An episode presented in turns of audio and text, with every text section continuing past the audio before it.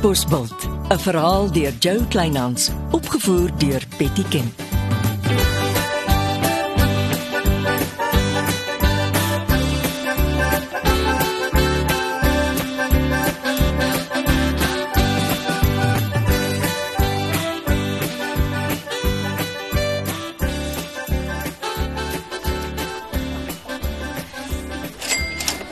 Nog steeds nie koffie in jou kantoor nie. Nog steeds nie 'n koffiekroeg nie. Wanneer kom koop jy hardloopskoene by my? Op my salaris hol jy met een paar skoene tot hulle op is. Ek hoor die Gretchen Hacks het Leonardo ook met 'n 100 000 rand ingeloop. Waar hoor jy dit? Dis veronderstel om binnekring polisie inligting te wees. Ja, julle staan nie 'n kat se kans teen sosiale media nie. Miskien. Maar Jy het dit nie by my gehoor nie. Sy het 'n deposito vir 'n nuwe motor gesoek. En Ernst gee haar 'n kwart miljoen rand vir 'n nuwe motor. Die vrou het 'n lekker skelmkop. Ja, maar almal praat van hulp wat die Hacks gehad het. Ons weet sy kon nie met al daai geld gevlieg het nie. Ja, dis nou die groot fokus van die ondersoek. Maar die kaptein loop voor. Hy hou al die kaarte styf teen sy bors. Dis hoogtyd. Hy moes al lank al lewe gekry het. Monique, die valke was die hele oggend by die kaptein. Dit gebeur nie sommer nie. En wat dink jy het die valke in Katbosveld kom soek? Het jou Sylvia Shoba toe my kaptein die naweek gesien? Op advies van my prokureur pleit ek 'n bewusteloos. Sy was wragtig by hom. Dis hoekom hy maandagooggend so moeg gelyk. Maar sy het darm die valke aan die roer gekry Met wat? met nuttige inligting, sergeant. Dis mos wat jy so lief is om 'n 'n informant te noem, nie waar nie? Sylvia Shoba, 'n informant van die kaptein. Mm -hmm. Asseblief. Kom ons praat eerder van kussingpraatjies. Die informant kan haar nuttige inligting mos op enige manier oordra of hoe? As die valke betrokke is, loop hulle terug op elke stukkie inligting se spoor. Jy kan nie die manne vir die gek hou nie. Nou wie doen dit? Dis absolute briljante inligting wat jou kaptein 'n bevordering gaan besorg. Wat jy uitgekrap het, Sersant Marits. Ek en my informant. Hoopelik vat die kaptein se bevordering om uit Katbosveld sodat jy weer makliker kan asemhaal. Onthou, jy sukkel nie met die valke nie. Ek het net kom hoor hoekom hulle skielik by ons uitgeslaan het. Probeer tog uitvind hoe vorder die valke se ondersoek. Jy weet ek het 'n vreeslike nuuskierige geaardheid. Party daar dink ek Gretchen is nie die enigste vrou met 'n lekker skelm kop nie.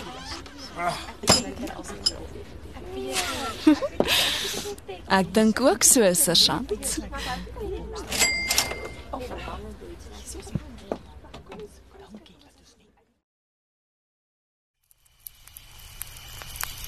Ek sal my wat verbeel dat meneer Geert se ma my vir braaivleis nooi.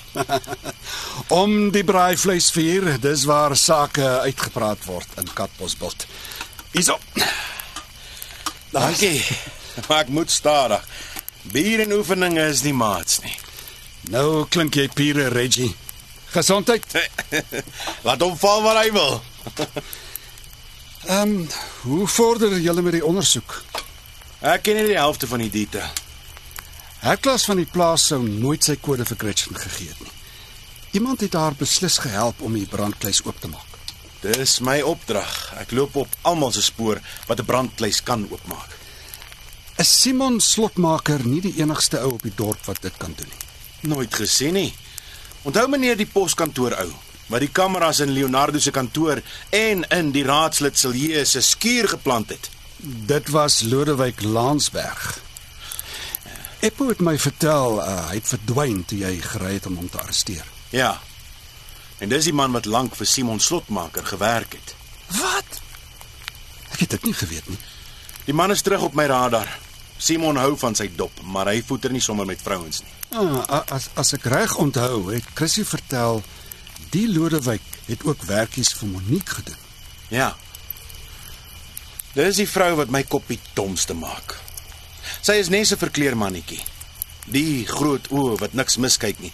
Die skerp tong en die ding dat sy so maklik van kleur kan verander. Mm. Sy pas oral in. Ek het geleer om baie versigtig gehad te wees. Uh, voor ek vergeet. Baie dankie vir Maggie se werk by die nuwe speelgrond. O, oh, dit was Chrissy se aanbeveling. Praat van die duiwel. Nee nee, ant antwoord gerus. Ehm um, die kolle het bietjie aandag nodig. Wag. Naand Maggie, gaan dit goed? Wat? By die huis. Vir wat? Maggie. Die man het net geskrik vir meneer Geertsma se branderbrief. Wag. Wag nie so haastig nie man. Jy het sopas begin werk. Maar laat meneer Geertsma eers met jou en jou man saampraat. Môre middag 5uur by die huis. Hoor jy Maggie? Ek staan by meneer Geertsma. Hy is môre middag 5uur daar. Luister hom uit. Goed. Hang net aan. Is Maggie se prokureur man nou skielik in die dorp? Ja. En hy praat haar kop dronk terug Rolbos toe. Ag, kom ons vergeet nou eers van al ons probleme en geniet die braai. Daar's darm niks wat kom by 'n harde koolvuur nie.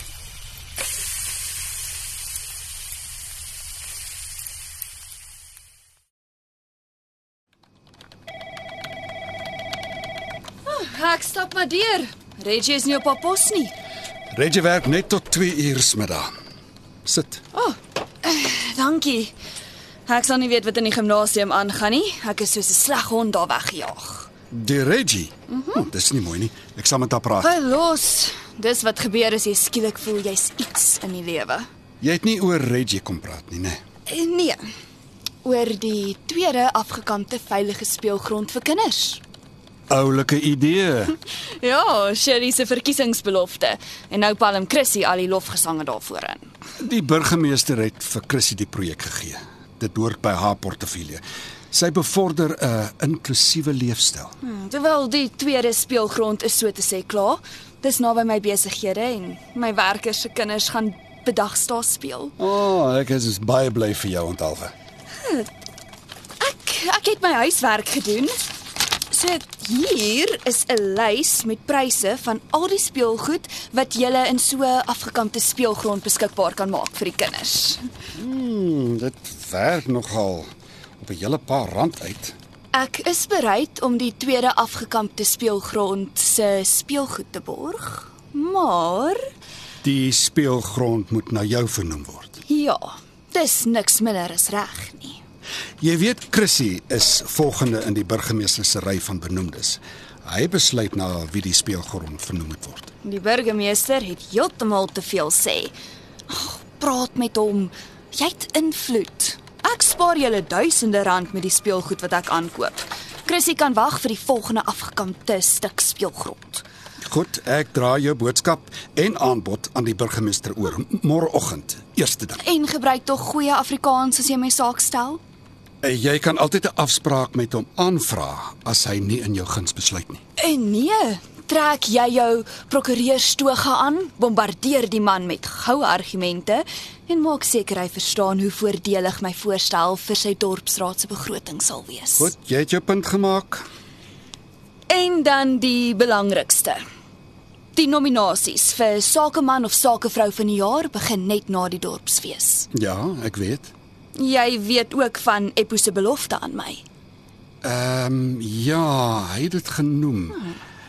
Ek sal jou nomineer. Maar, Ek is 'n man van my woord. Dankie. Maar ons gaan nog baie daaroor praat. Nomineer is nie genoeg nie. My lofliedere moet oral besing word. Luister hierson, neem 'n bladsy uit Chrissy se boek. Begin om by die sakekamer aan te sluit, hulle funksies by te woon. Dis altyd vir hulle makliker om iemand van binne te kies as 'n buitestander. Hm, Dis 'n goeie punt. Ek ry sommer nou soontoe. Dankie. Mm -hmm. uh, en uh, bel my na jy by die burgemeester was. Middag sergeant. Middag meneer Geertsma. Ek staan in die huis. Meneer hoef nie meer 5 uur hier te wees nie. Is Maggie Fort saam met haar prokureursman Rolbos toe? Sak en pak. Sonder om te groet, sonder om te bedank, net weggeloop. Soos 'n dief in die nag.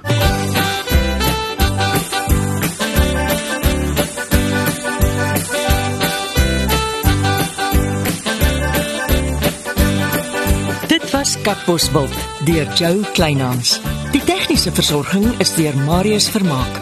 Katbosveld word vervaardig deur Betty Kemp saam met Marula Media.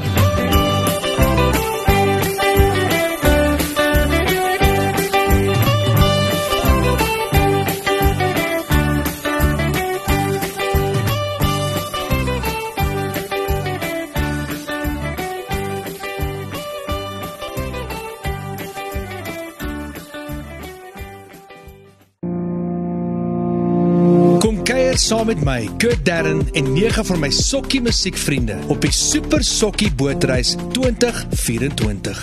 Marula Media gaan ook saam vanaf 8 tot 11 Maart 2024 en ons nooi jou om saam met ons te kom sokkie op die musiek van Jonita Du Plessis, Early B, Justin Vega, Jay, Leani May, Nicholas Lou, Jackie Lou, Dirk van der Westhuizen Samantha Leonard. en Ray Dillon. Afrikaanse musiek gaan weer klink van die kuierareas tot die dek tot reg in die teater van die splinte nuwe MSC Splendide. Bespreek nou jou plek op die Super Sokkie Bootreis by www.msccruises.co.za.